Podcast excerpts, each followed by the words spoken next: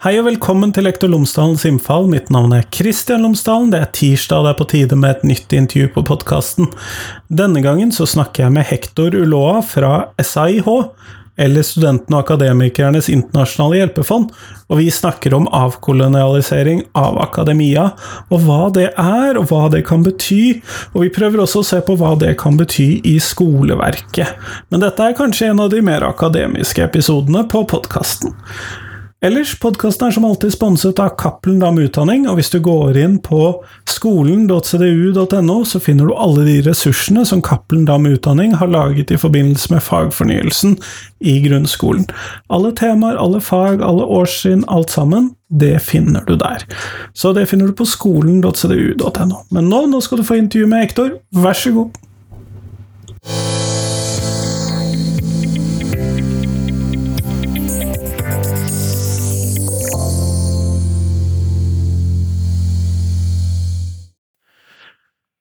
Hector Uloa, tusen takk for at du har tatt deg tid til meg i dag.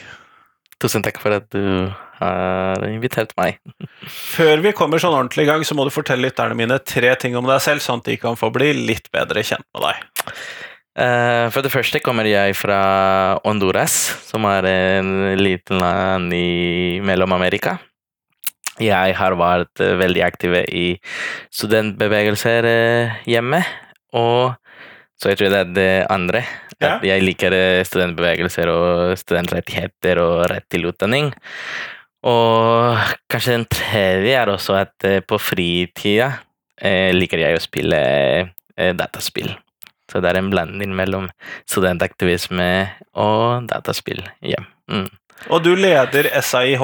Og jeg er leder i SIH. og det er som eh, Siden jeg kom til Norge eh, etter jeg var studentaktivister, og SIH de, vi jobber med studentrettigheter, akademisk frihet og tilgang til høyere utdanning eh, rundt i verden. Så det var en veldig som, eh, fint møte å fortsette det engasjementet jeg hadde eh, i Honduras og med studentbevegelser. Mm. Og for de som da ikke helt har fått med seg hva SAIH er, så, og hvis du har gått på universitetet, så er det disse tikronene som ligger på bånn av semesterregistreringen. Det er 40 kroner nå. Ja. 40 kroner er det, er 40 kroner, og det er det vi kaller det SAIH-tiere. Eh, og det er den Jeg tror det er veldig viktig av eh, studentmiljøet i Norge, og det er at studenter har muligheten til å bidra en organisasjon. Det er frivillig, og de kan bidra til å eh, bare vise solidaritet til andre studenter i andre land i verden. Så jeg tror det er noe veldig viktig. Det er også noe som er veldig eh, unik i Norge. Jeg hadde aldri hørt om en organisasjon som SIH eh, før. Og jeg tror vi har ikke søsterorganisasjoner i andre land. Eh, så det med studentsolidaritet er det så viktig at vi eh, fortsetter med det i Norge gjennom SIH. Eh, og vi skal snakke sammen i dag om avkolonialisering av akademia. og da kan man jo også snakke om avkolonialisering i skolevesenet som en forlengelse av det. Men hva er det vi snakker om når vi snakker om avkolonialisering? Hva, hva betyr det? Jeg tror vi kan ikke snakke om avkolonisering hvis folk har ikke forstått hva er det vi eh, kaller kolonitida? Og det med kolon, koloniseringsprosessen. Og det er noe som skjedde mange, mange hundre år eh, før. Og det er den prosessen vi har sett det var hovedsakelig i Latin-Amerika og Afrika, hvor større eh, eh, world powers, de som var colonizers, eh, etablere koloni, og de fikk eh, eh, Det var mye at de tok ressurser fra de landene, og de, eh, det er også Når vi snakker om slavetida den største delen av det er pga. kolonitida, fordi det var en som hadde makt for å tynge folk og jobbe uten at de får penger eller noe.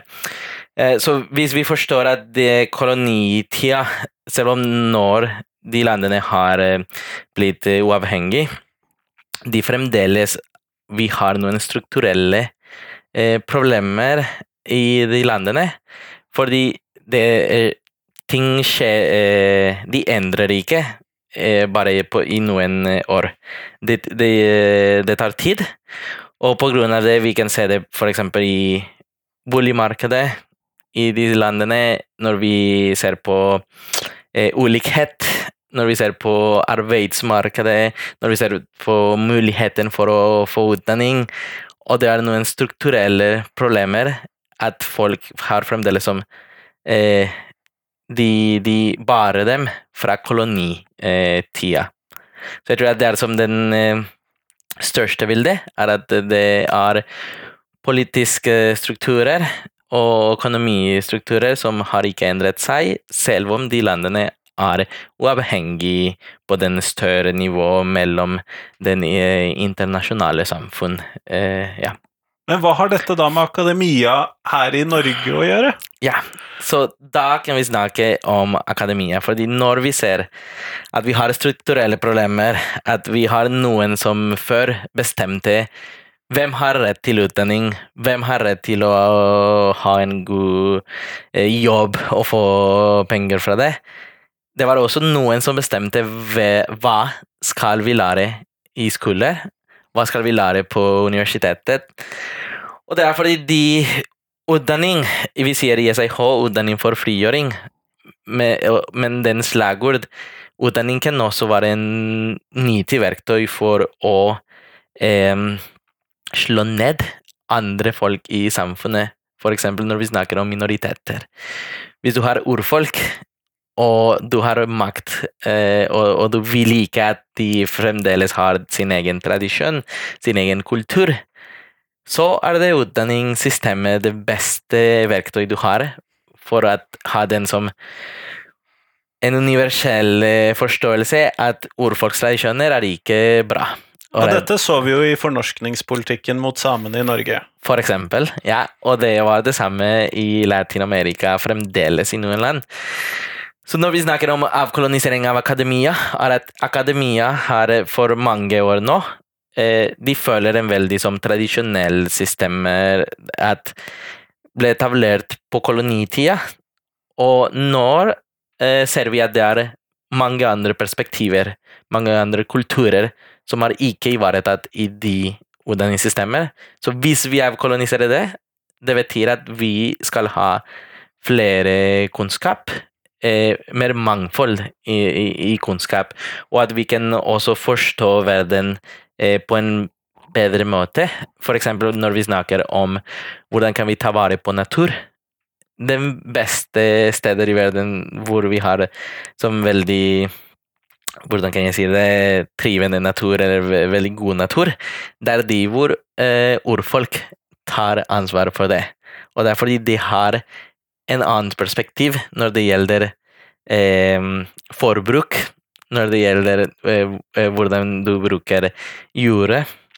Så jeg tror at avkolonisering av akademia handler om å ha flere perspektiver, om å forstå at vi, kunnskap er laget eh, Alle mennesker kan lage kunnskap i forskjellige møter, og de har de samme verdier eh, selv om de kommer kanskje fra en annen kultur. Det er bare at vi må sammenligne dem, og vi må eh, bruke dem eh, ja, i, i, en samme som i balanse. Ja. Men når vi da snakker om dette, så ser jeg jo da Vi har jo en avkolonialisering som da kanskje må gjøres på universiteter og utdanninger i eh, de landene som ble kolonialisert. Mm -hmm. Men gjelder dette også for universiteter her i Norge?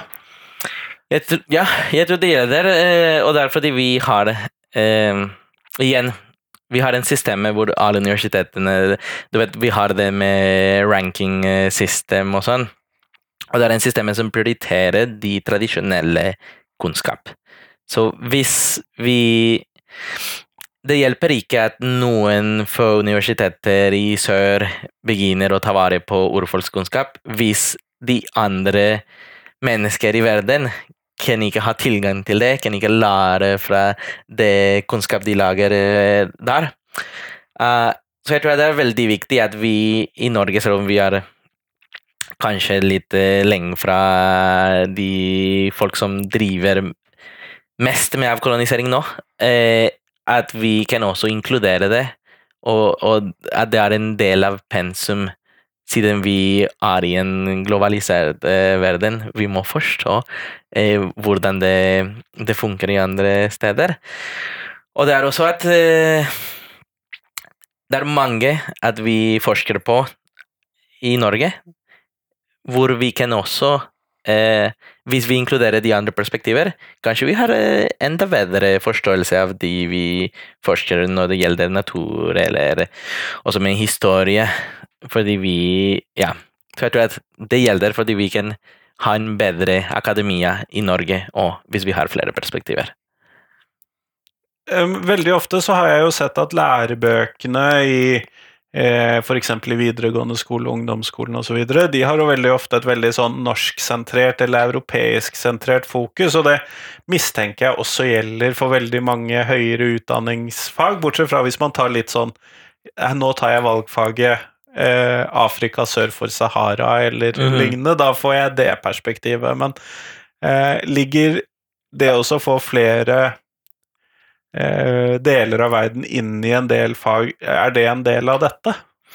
Ja, og jeg tror Jeg så at jeg ikke Jeg gikk til videregående i Norge. Nei. Ja. Så jeg vet ikke hvordan det funker, men uh, Jeg tror det er veldig tidlig.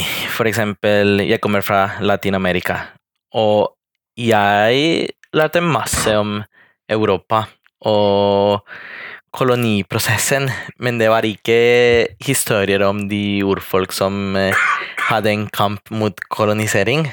Det var en historie om hvordan de eh, hadde de saved oss fra de som voldsomt eh, tradisjoner vi hadde i, i Latin-Amerika, som er ikke Det er ikke som hele vil det, og det er det avkolonisering handler om.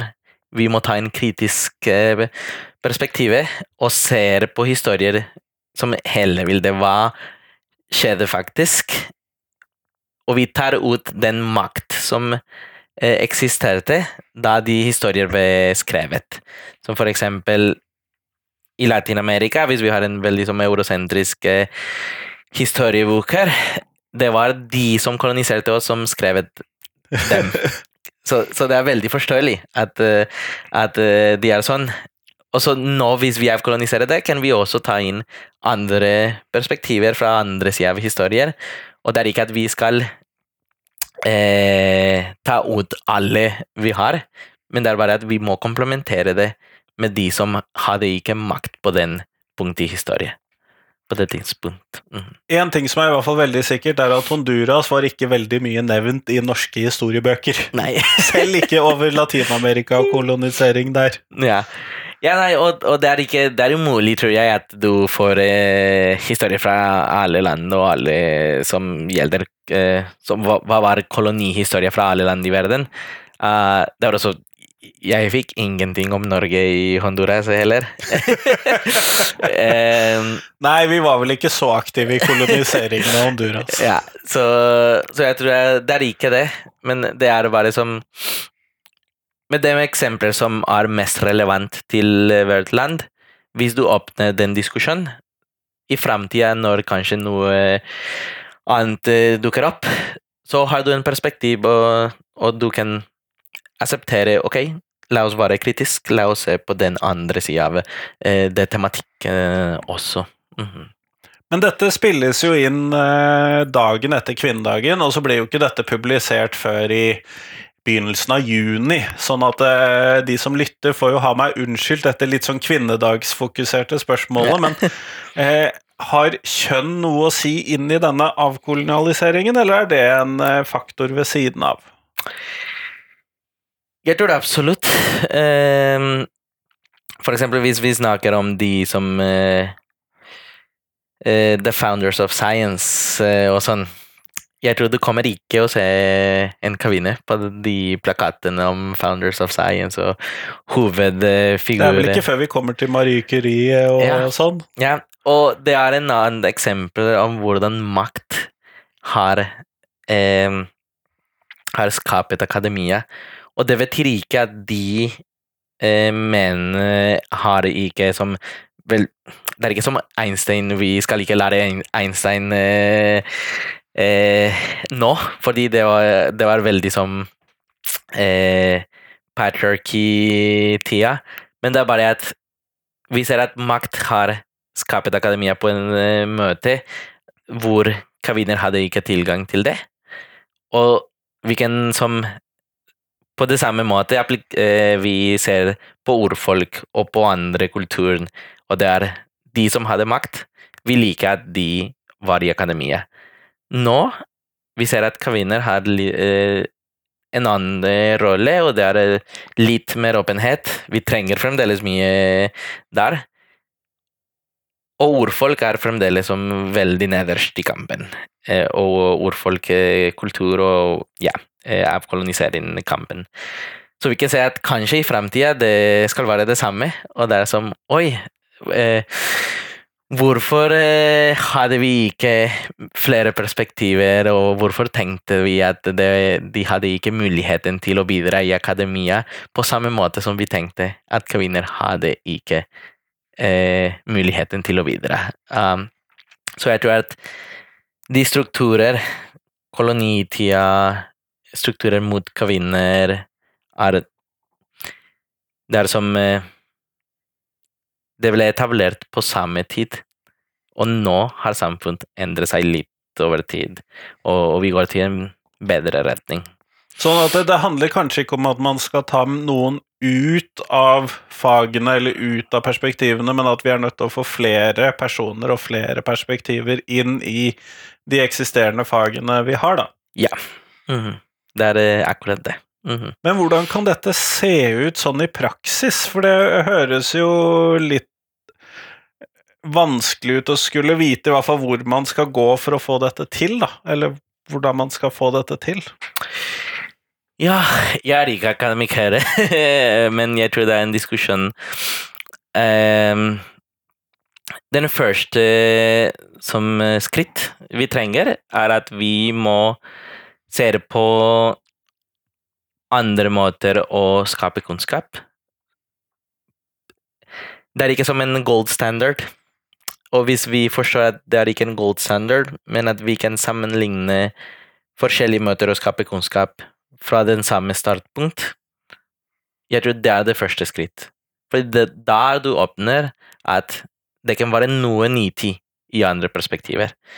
Og jeg tror at det er, eh, det er faktisk det vi mangler nå i akademiet. For det er hvis du er fra en vestlig institusjon, og noen fra sør kommer med en annen eh, metodologi eller noe det er som, Men dette er ikke i den rankingsystem vi har og, og, eller institusjonene de kommer fra, er ikke i det topp ten i verden. Og automatisk, det er som Det har mindre verdi. Og det kan ikke skje. Jeg tror vi må være mer Vi må, må ha mer åpenhet i akademia. Og så det er bare det er akademikere som skal ta det videre og skal eh, ha en diskusjon og en samtale og inkludere de andre. Og bygge videre akademia, men, eh, men vi kan ikke se hvordan det Vi har ikke muligheten til å se hvordan det kan være i praksis, hvis vi ikke åpner dører først. Og det er det vi mangler nå. At det er en veldig strengt som Det er en gold standard, det er vestlige institusjoner, og vi kan ikke ha en samtale med de andre fordi de har mindre verdi enn oss. Men handler dette om dette med å eh, vurdere Handler dette om innholdet i fag heller enn eh, institusjoner og aksept for institusjoner, eller handler det primært om aksept for ulike institusjoner, eller er det begge deler? Jeg tror det er kanskje begge deler, men det er også som hele systemet, de motivasjoner institusjoner har, for eksempel.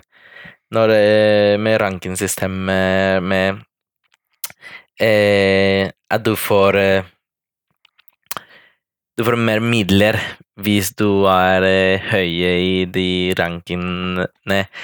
Så jeg tror at motivasjoner i dag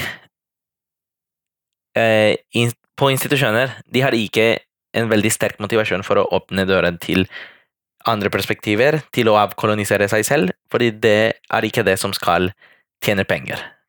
Og det er en kritisk til hele utdanningssystemet. Og jeg snakker bare om eh, denne høyere utdanning eh, akkurat nå, fordi det er kanskje forskjellig eh, på de Ja, andre for, nivåene. for Ja. lavere har jo normalt sett nasjonale Ja, standarder.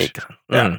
Så kanskje på de lavere eh, trinn, det er eh, mer som en politisk beslutning, da. Og det er de eh, aktører i samfunnet må eh, få politikerne til å endre det, og inkludere andre perspektiver. Men hvordan tenker du at man skal lykkes med å endre disse prioriteringene i akademia? Jeg tror at vi har flere aktører nå som tar det ansvar om å bevare kultur og skape kunnskap på forskjellige møter, og at de har også flere støttespillere. Eh, For, for eksempel i SIH. Vi samarbeider med noen urfolksuniversiteter i Nicaragua og i Colombia, og de har en utrolig viktig rolle i eh, deres samfunn. Og det er en møte å vise regjeringen hvor viktig det, de, disse aktørene er. Eh, For eksempel når pandemien eh, rammet eh, disse landene. Disse institusjonene tok mye ansvar for å bevare sine folk, fordi de har en en annen vinkling. Det er ikke som at du bare går til universitet og du tar fag og du har eksamen. Det er mer om eh, å bygge samfunn. Så det var lettere for dem, også når det var en veldig kritisk situasjon med pandemien, å sammen med deres samfunn å ha en ta, ta vare på hverandre. Så hvis vi har aktører, eh, slike aktører, det er veldig lett etterpå å vise hvor, eh, hvorfor de er viktige. Og og også hvor, eh, hvordan de går ikke imot den tradisjonelle systemer. Det er ikke det eh, hovedmålet deres. De vil bare som komplementere det med andre eh, møter og, og skape kunnskap og sånn. Så jeg tror at hvis vi støtter dem, de er som skal ta kamp videre, og som skal vise verden hvor viktig det er at vi liter på dem. Ja, for kampen for dette må da komme nedenifra i stor grad, da. Ja, det tror jeg.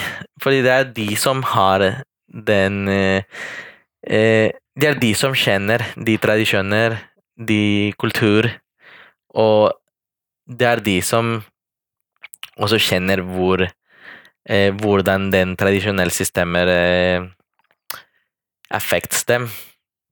Så det er veldig vanskelig for eh, noen fra med vestlig bakgrunn å si at vi må avkolonisere eh, hvis du Det er ikke umulig, men det er vanskeligere å forstå hvor viktig de er på de som har blitt undertrykt gjennom historie.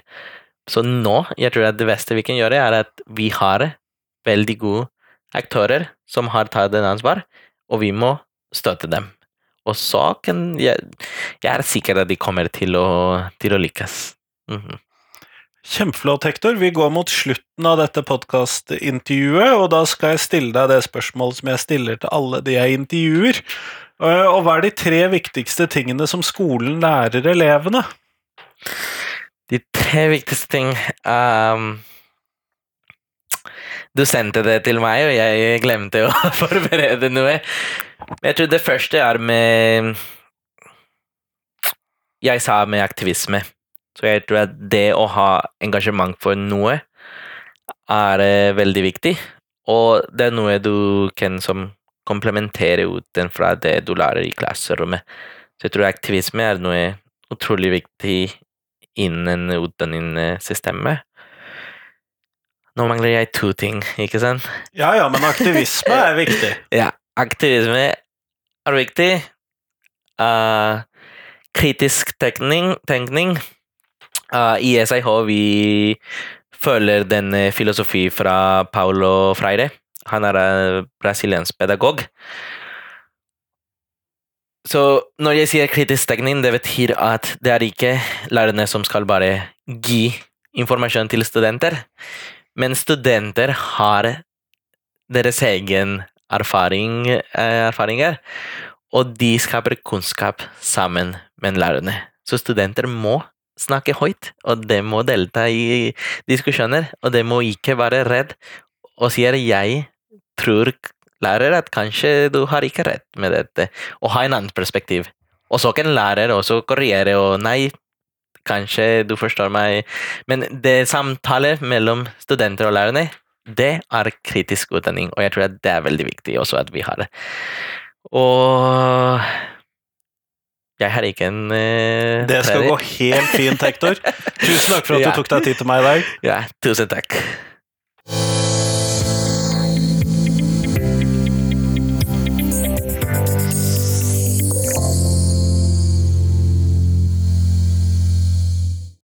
Tusen takk til Hector, og tusen takk til deg som hørte på. Nå er det en uke igjen til neste nye episode på podkasten, men så kommer det selvfølgelig en episode på fredag, som er en repriseepisode fra en av de første årene på podkasten. Det synes jeg er veldig gøy å ha muligheten til, at podkasten nå har eksistert så lenge at det faktisk gir mening å ha eh, den typen repriseepisoder. Så veldig gøy for meg. Jeg håper du også setter pris på det, og at du hører noe som du ikke hadde hørt fra før av. Ellers så har jeg jo nå produsert 421 episoder, så jeg satser på at det er et eller annet inni der som du ikke har hørt tidligere. For jeg tror i hvert fall du kan klare å finne det. Ellers del gjerne podkasten min med noen som du tror vil sette pris på den. Og så har jeg hørt det at noen sier 'abonner gjerne i den appen du bruker'. Og jeg håper jo egentlig at du abonnerer allerede, men hvis ikke du gjør det, abonner gjerne på Lektor Lomsdalens innfall. Jeg tror du finner mye interessant her. Men nå, ha en fin uke. Hei, hei.